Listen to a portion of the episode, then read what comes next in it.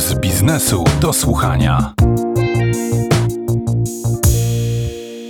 Czy przekonali się już Państwo do paperless? Chcecie dbać o planetę i poruszać się w meandrach urzędowych i biznesowych umów tylko i wyłącznie używając laptopa lub telefonu? Niestety, nie tak szybko.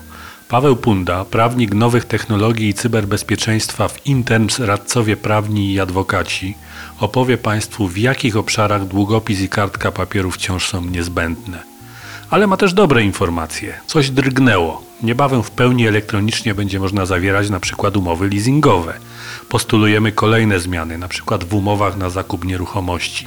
Ci, którzy niedawno przechodzili ten proces, pamiętają jeszcze na pewno, jak dużo czasu zajęło im podpisywanie stosownych dokumentów. Posłuchajmy.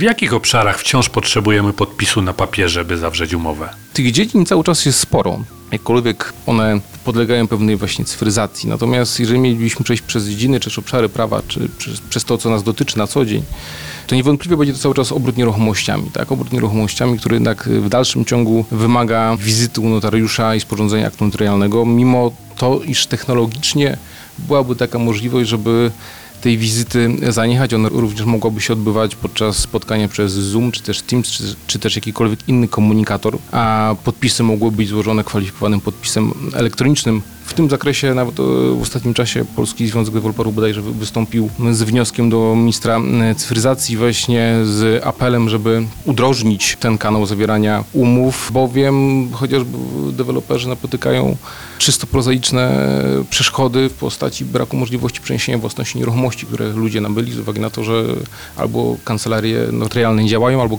działają w ograniczonym zakresie, stąd też obrót nieruchomościami. Cóż dalej? To są dalej idąc i pozostając troszeczkę przy notariacie, to jest kwestia ustanowienia hipotek, zabezpieczeń w związku z transakcjami. Tak? To też wszystko się wiąże z koniecznością wizyty u notariusza, a tak by nie musiało pójść. Później przechodząc trochę już do takiego życia codziennego, to jest kwestia chociażby sporządzenia testamentu, skutecznego złożenia zapisu windykacyjnego, czyli to wszystko dzisiaj z naszej strony wymagany jest jakby nasz udział i obecność u notariusza, gdzie można byłoby to w 100% zrobić online. Czy w obszarach bardziej biznesowych jesteśmy mocniej zdigitalizowani? Coś już bardziej z obszaru biznesowego, czyli umowy leasingu. Jedna chyba z najczęściej zawieranych umów, jeżeli chodzi o ich rodzaj w obrocie gospodarczym, które cały czas y, wymagają podpisu i procesy firm leasingowych także też są tak ustawione, że ten proces wymaga podpisu. Tutaj w tym zakresie są pewne jaskółki, bowiem Ministerstwo Sprawiedliwości pracuje nad zmianami w zakresie kodeksu cywilnego, gdzie dopuszczalna prawdopodobnie będzie forma dokumentowa, co by z kolei sprawiło, że umowa leasingu mogłaby być zawierana praktycznie w dowolny sposób. To mógł być SMS, rozmowa telefoniczna, to mogło być kliknięcie na tablecie gdziekolwiek, co by znakomicie, myślę, udrożniło przepustowość zawierania umów i ułatwiło ten obrót. W leasingu widać pewne jaskółki zmian. Czy możemy liczyć, że w jakimś innym obszarze zniknie obowiązek podpisywania dokumentów na papierze? No, mam tu na przykład na myśli notariusza. Ja o nich y, nie wiem, natomiast notariusz to jest kwestia, myślę, bardziej mentalna i demograficzna. Tak? Jednak wielu z nas y, utożsamia że tak, wizytę u notariusza jako coś, jako wydarzenie, które się wiąże z jakąś ważną czynnością w naszym życiu i to jest absolutnie prawda i stąd też y, trudno będzie odejść do świata absolutnie cyfrowego. Myślę, że w dłuższej perspektywie pozostanie pewien dualizm analogowo-cyfrowy, gdzie będziemy mieli opcję wyboru odbycia czynności notariusza w formie elektronicznej, czy też w tradycyjnej, kiedy się spotkamy podczas wizyty. Natomiast pomimo też, tak jak wcześniej wspomniałem, pewnych apeli środowisk deweloperskich w zakresie zmian przepisów, natomiast tutaj tych jaskółek nie widać na horyzoncie, tak jak w przypadku umowy leasingu. No to spójrzmy teraz, jak w ogóle wygląda proces podpisywania umowy bez konieczności składania podpisu na papierze. Czy on jest bardzo męczący? Ten proces to zasady jest prosty, intuicyjny, na pewno nie przysporzy podpisującym żadnych trudności. Tutaj mówiąc o procesie należy rozróżnić, czy mówimy o podpisywaniu w formie dokumentowej, czy też elektronicznej, czy też mamy do czynienia z przedsiębiorcą, czy też konsumentem, z uwagi na to, że w przypadku konsumentów będą się wiązały z tym dodatkowe czynności, chociażby w postaci przedkontraktowych obowiązków, które przedsiębiorca musi zapewnić konsumentowi, wyposażając go w odpowiednią wiedzę w zakresie tego, co kupuje, tak, tam między innymi o cenie, o terminie dostawy, o reklamacji. Spotykamy się z tym kupując zakupy w internecie na co dzień.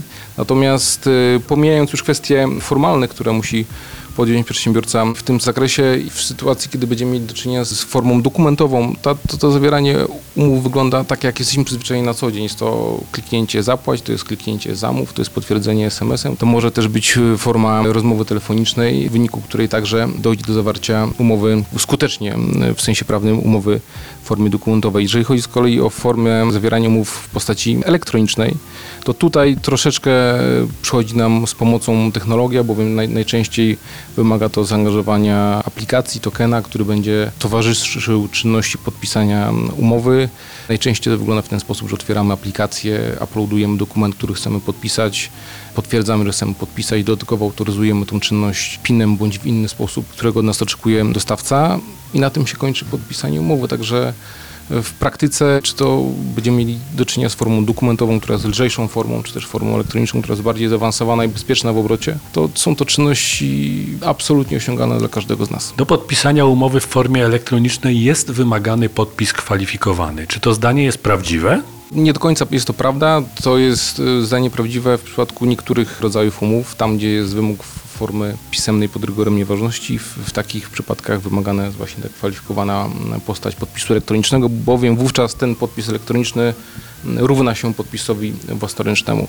W przypadku wszystkich innych umów, kiedy ta forma pisemna nie jest zastrzeżona, przechodzimy na grunt właśnie formy dokumentowej. Jest to tak de facto dowolny sposób, jaki sobie wyobrazimy na zawarcie umowy i w tym zakresie jest absolutna dowolność. Wiele się teraz mówi o tak zwanych cyberzagrożeniach. Czy podpisanie umowy w sposób elektroniczny jest bezpieczne? Absolutnie tak. Powiedziałbym tak, że podpisanie umowy w formie elektronicznej jest tak samo bezpieczne jak podpisanie umowy w formie pisemnej. Tutaj w przypadku tych kwalifikowanych form podpisywania umowy w formie elektronicznej dochodzi nam z pomocą technologia, która daje nam pewność co do osoby, z którą podpisujemy tą umowę, mimo to, że jej nie widzimy, mamy zweryfikowaną tożsamość tej osoby, także mam pewność, że to jest dana osoba.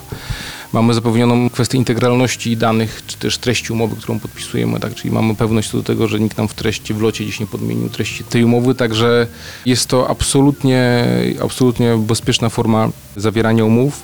Pamiętajmy też o tym, że chociażby z punktu widzenia poufności, tak, no często zawierana umowa w formie tradycyjnej wiąże się z wydrukowaniem dokumentu, ktoś może go podejrzeć, jest kwestia skanu, przesłania tego skanu, jest kwestia później wydrukowania, gdzie tam też może ktoś się zapoznać z treścią umowy, czego byśmy na przykład nie chcieli. W przypadku podpisywania umów w formie elektronicznej praktycznie te ryzyka są wyeliminowane z uwagi na to, że połączenie jest szyfrowane, tylko dwie strony się komunikują, które podpisują tą umowę, także tutaj te ryzyka, że ktoś nam podejrzy treść zawieranej umowy są wyeliminowane. Dalej idąc, to jest kwestia jakby e, dostępności, tak, co też jest istotne chociażby z punktu widzenia e, biznesu bowiem umowa zawarta w formie elektronicznej jest prawnie skuteczna, jest dostępna z każdego miejsca na świecie, gdzie w formie tradycyjnej pozostaje nam segregator i konieczność interwencji służb administracyjnych danej organizacji. To też wpływa z kolei świetnie na ciągłość działania firmy, tak? bo jeżeli mamy skutecznie zawarte umowy w formie elektronicznej, które są przechowane w, chociażby w chmurze, tak? to ewentualny pożar, zalanie, cokolwiek y, losowego, co by miało miejsce w danej organizacji, powoduje, że jesteśmy dużo bardziej bezpieczniejsi w tej formie elektronicznej. Także to też ta, ta kwestia bezpieczeństwa jest tutaj y, zapewniana. To, co jest jeszcze też istotne, to proszę też pamiętać o tym, że w przypadku tych kwalifikowanych form podpisywania umowy, to dostawcami rozwiązań są kwalifikowane podmioty w Polsce. Tak? To nie jest tak, że usługę w tym zakresie może świadczyć każdy. Jest dzisiaj bodajże pięć podmiotów, które tego typu usługi świadczą. Są to podmioty, które zostały audytowane na etapie uzyskiwania akredytacji. Są to podmioty y, później już po uzyskaniu wpisu do rejestru, który jest prowadzony przez prezesa Rady Ministrów. Są także co dwa lata audytowane. Są to podmioty, które posiadają ubezpieczenie. Także są to podmioty, które gwarantują nam, że y, cała czynność związana z podpisaniem umowy i integralność właśnie zweryfikowanej tożsamości, która jest kluczowa w obrocie internetowym, jest zapewniona i to daje absolutne, myślę, poczucie bezpieczeństwa. Bardzo dziękuję za te ciekawe opinie. Państwa i moim gościem był Paweł Punda, prawnik nowych technologii i cyberbezpieczeństwa, Interms, radcowie prawni i adwokaci.